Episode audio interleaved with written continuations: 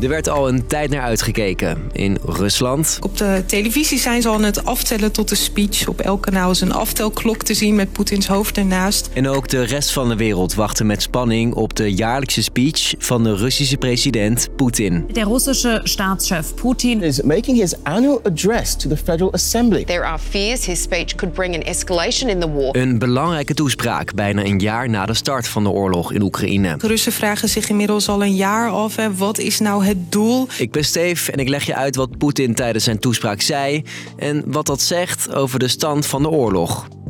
Lang verhaal kort. Een podcast van NOS op 3 en 3FM.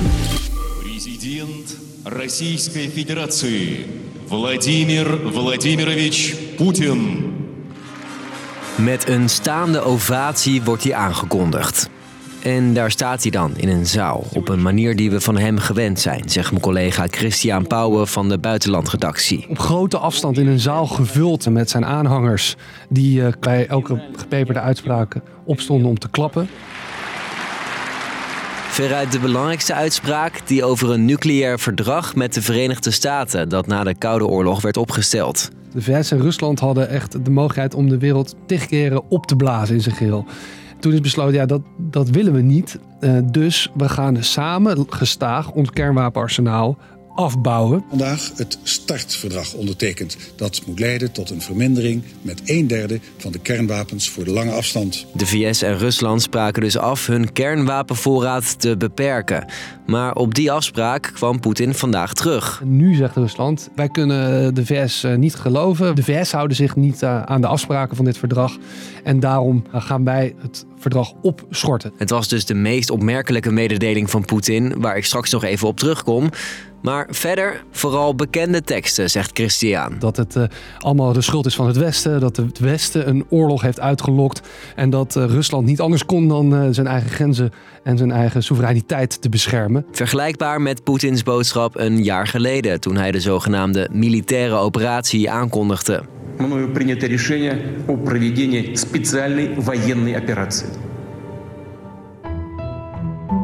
Maar waarom keek de hele wereld zo uit naar die speech? Nou, er zijn veel vragen over de oorlog, zegt onze Rusland-correspondent Iris de Graaf. Wat is nou het doel? Hoe lang gaat dit nog duren? Waarom sterven er zoveel mensen aan uh, beide kanten? Ja, want de oorlog verliep toch anders dan Poetin had verwacht. Na de inval van de Russen. There are big explosions taking place in Kiev right now. Stuit het leger onverwachts op veel verzet uit Oekraïne. Na de eerste maanden is al gebleken dat die ambitieuze plannen van Poetin niet haalbaar waren. Je hoort Christian weer. Duidelijk is dat Poetin zich heel erg verkeken heeft. Dat hij op basis van informatie van zijn inlichtingendiensten dacht dat hij Kiev wel even kon innemen. Dat er veel Oekraïners met bloemen langs de weg zouden staan. In plaats daarvan werden het uh, raketwerpers en molotovcocktails. Nu, een jaar later, wordt er nog steeds volop gevochten. De regio Luhansk bijvoorbeeld is bijna in zijn geheel in Russische handen. Tegelijkertijd hebben ze nog stukken in het zuiden van Oekraïne, in de regio Zaporizhia en ook in de regio Gerson. Al hebben ze natuurlijk wel de stad Gerson, de, de grootste en belangrijkste stad die ze hadden veroverd die eerste weken van de oorlog, die hebben ze wel moeten opgeven omdat de situatie voor Rusland daar niet houdbaar was. Hoewel het voor Rusland dus niet volgens plan verloopt, lijkt van opgeven geen sprake. Dat bleek ook weer uit de speech van Poetin vandaag, waarin hij meerdere, hè, op meerdere fronten uh, aangaf dat uh, Rusland uh, nog een lange strijd voor de boeg heeft en dat ze, Rusland zich daar ook op voorbereidt. Zo beloofde Poetin dat iedereen die meevecht in Oekraïne elk half jaar 14 dagen vakantie moet kunnen nemen.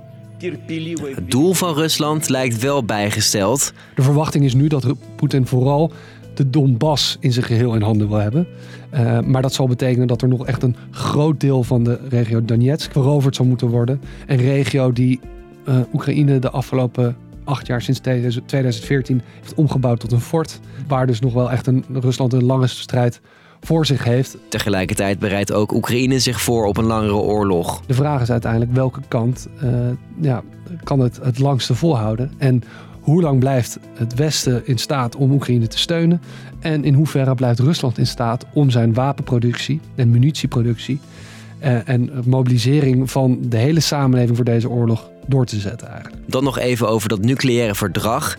Het opschorten daarvan door Rusland lijkt niet direct een bedreiging voor Oekraïne en het Westen te zijn. Rusland zal niet per se extra kernwapens nodig hebben. Ehm, het zal vooral dus ook een signaal zijn waarmee Rusland duidelijk maakt: op het gebied van nucleaire wapens kunnen wij ook niet meer praten met het Westen. Dus, lang verhaal kort, alle schijnwerpers waren vandaag gericht op Poetin. In een toespraak kwamen bekende teksten terug zoals de oorlog met Oekraïne komt door het Westen. Maar ook kondigde Poetin aan uit een nucleair verdrag met de VS te stappen. Al lijkt Poetin dit vooral te doen om een signaal af te geven. Hoe dan ook zal de oorlog waarschijnlijk nog wel even duren. Rusland geeft niet op, net zoals Oekraïne, gesteund door het Westen. Dat was hem voor vandaag. Morgen zijn we er weer met een nieuwe podcast. Doei!